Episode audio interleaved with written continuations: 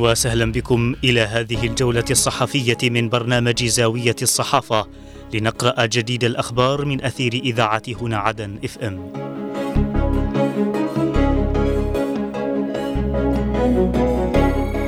البداية من موقع المجلس الانتقالي ومنه نقرأ الكثير يطلع على جهود السلطة المحلية بالعاصمة في القطاعين التنموي والخدمي. فريق الحوار الوطني الجنوبي يواصل جهوده ويلتقي الائتلاف الوطني الجنوبي. الأمانة العامة توجه القيادات المحلية بالمحافظات للتحضير أو بالتحضير لإحياء ذكرى التصالح والتسامح الجنوبي.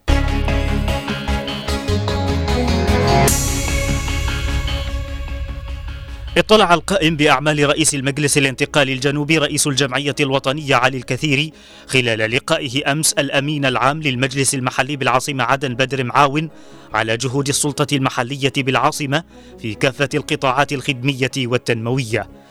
واستمع الكثير خلال اللقاء الذي حضره نائب رئيس الجمعية الوطنية عصام عبده إلى شرح عن مجمل الأعمال التي تم تنفيذها خلال العام الماضي لتطوير البنية التحتية في العاصمة عدن بالإضافة إلى مصفوفة المشاريع التنموية والخدمية التي دخلت حيز التنفيذ مشيدا بالأداء الذي تقدمه السلطة المحلية وما تسهم به من نجاحات مؤكدا وقوف المجلس الانتقالي إلى جانبها بما يعزز دورها في التخفيف من معاناة المواطنين والارتقاء بمستوى الخدمات.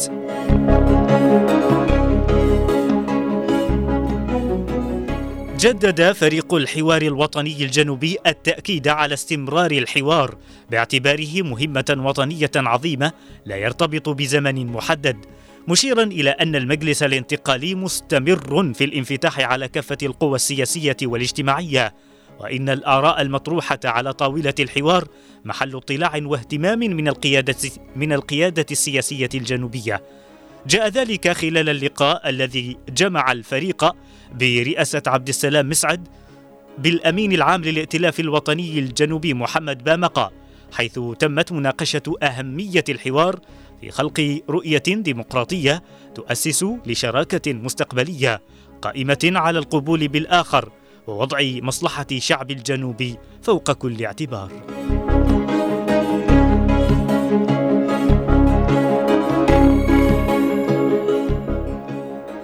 وجهت الأمانة العامة لهيئة رئاسة المجلس الانتقالي خلال اجتماعها الدوري برئاسة فضل الجعد الأمين العام القيادات المحلية للمجلس في كافة محافظات الجنوب للبدء بالتحضير لفعالية ذكرى التصالح والتسامح الجنوبي تحت شعار الجنوب بكل ولكل أبنائه مهبة إلى ضرورة المشاركة في إحياء هذه المناسبة العظيمة.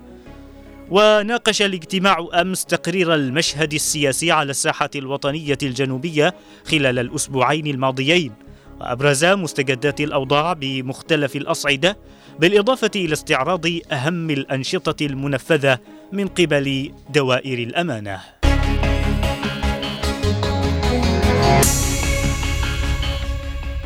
وإلى موقع درع الجنوب مستمعين ومنه نقرا تزامنا مع حلول الذكرى الثانية لتحريرها. جنوبيون يطلقون هاشتاج تحرير بيحان انتصار للجنوب.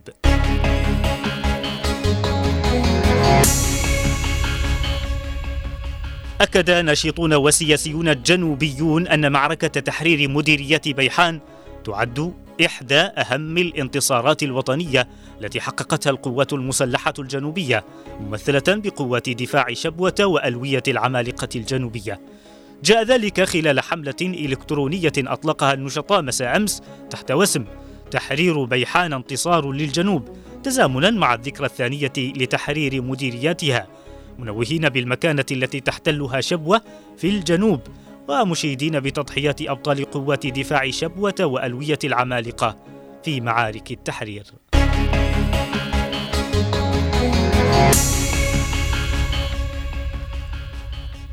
وإلى موقع عدن 24 مستمعين ومنه نقرأ المحكمة الجزائية بالعاصمة تصدر حكما بإعدام الخلية الحوثية المتورطة في تفجير بالضالع.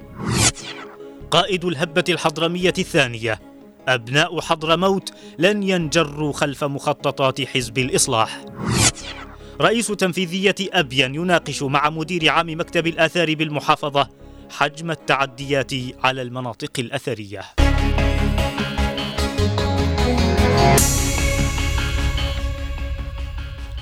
أصدرت المحكمة الجزائية المتخصصة في العاصمة عدن أمس حكما بإعدام عدد من المتهمين المنتمين لخلية تابعة لميليشيا الحوثي على خلفية تورطها بزرع عبوة ناسفة واستهداف قوات الجيش في محافظة الضالع.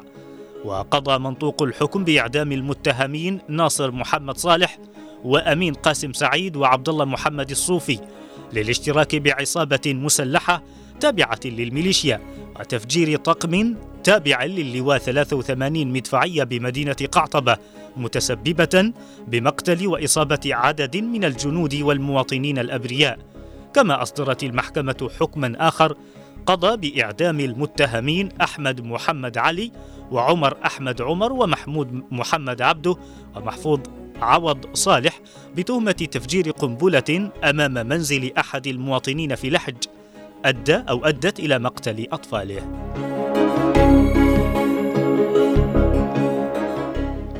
أكد قائد الهبة الحضرمية الثانية رئيس لجنة تنفيذ مخرجات لقاء حضرموت العام حرو الشيخ حسن الجابري أن حضرموت وأبنائها المخلصين لن ينجروا خلف ما تخطط له قيادة حزب الإصلاح عبر ما أسمته الإقليم الشرقي الهادف إلى ترسيخ الاحتلال وأشار الجابري في تصريح صحفي إلى أن حضرموت لن تكون لقمة سائغة لتلك القوى.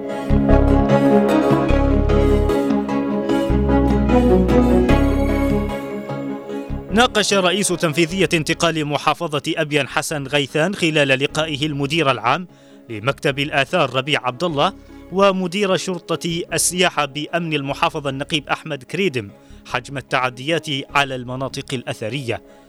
ووقف اللقاء أمس أمام العبث والبسط العشوائي الذي طال أهم المناطق التاريخية في زنجبار مشددا على ضرورة تكثيف الجهود في سبيل الحفاظ على كافة المناطق الأثرية وحمايتها باعتبارها الإرث الذي يجسد عراقة وهوية المحافظة والجنوب عامة.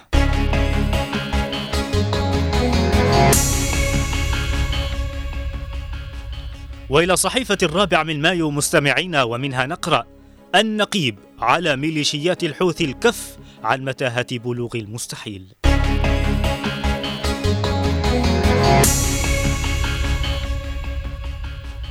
قال المتحدث الرسمي باسم القوات المسلحة الجنوبية المقدم محمد النقيب إن ميليشيات الحوثي لم تتعظ بعد من الهزائم المذلة وفرارها المهين. وحذر النقيب في منشور له على منصة إكس الميليشيا من مغبة تصعيدها على المحافظة مؤكدا أنها ستجر أذيال الهزيمة وتلقى نفس المصير الذي تجرعته قبل عامين.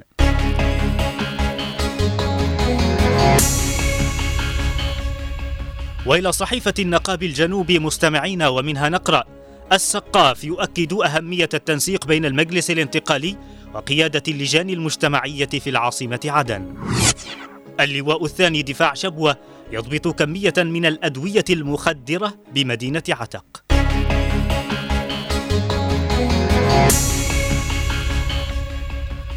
استعرض رئيس الهيئة التنفيذية لانتقال العاصمة عدن مؤمن السقاف مع رئيس اللجان المجتمعي العميد علي النمري عددا من القضايا المهمة لتعزيز التنسيق المشترك بين المجلس وقيادة اللجان في العاصمة. وأكد السقاف خلال اللقاء أمس على أهمية تنظيم العمل بين اللجان المجتمعية واللجان المحلية للمجلس في عموم مراكز المديريات ومعالجة الاختلالات بما يعزز دورها المجتمعي في خدمة المواطنين.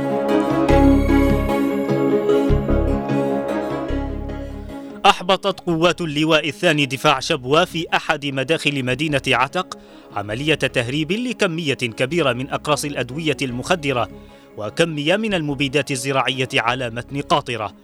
وتمكنت القوات من ضبط الكمية التي كانت مخبأة بين أكياس السكر والمقدر بل والمقدر عددها بنحو 941 ألف قرص من نوع براغا بلين بالإضافة إلى كمية أخرى من المبيدات الزراعية حيث تم حجز المضبوطات وسائق القاطرة لاستكمال الإجراءات وإحالته إلى الجهات المختصة.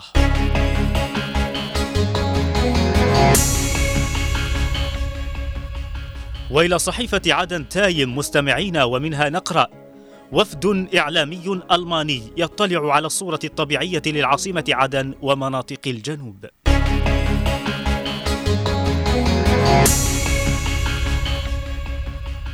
قال رئيس الهيئة الوطنية للإعلام الجنوبي المتحدث الرسمي باسم المجلس الانتقالي سالم العولقي إن ما تقوم به الميليشيا الحوثية من قرصنة بحرية لا يخدم إلا إيران. جاء ذلك لدى لقائه أمس الوفد الإعلامي الألماني في التلفزيون الرسمي. حيث حذر من الانخداع بالمطالب الإنسانية التي يدعيها الحوثيون لتعزيز وضعه الميداني وتحشيداته العسكرية مشيرا إلى أنها ميليشيات تنفذ أجندة إيران بالمنطقة. وأكد العولقي في اللقاء الذي حضره نائب رئيس الهيئة مختار اليافعي أن المجلس الانتقالي حريص على وضع إطار تفاوضي خاص بقضية شعب الجنوب في العملية السياسية باعتبارها القضية المحورية لتحقيق سلام شامل ومستدام مشيرا إلى انعقاد مجلس العموم الجنوبي الهادف لتطوير الأداء السياسي والمؤسسي للمجلس للوصول إلى مرحلة متقدمة نحو بناء دولة الجنوب الفيدرالية المستقلة.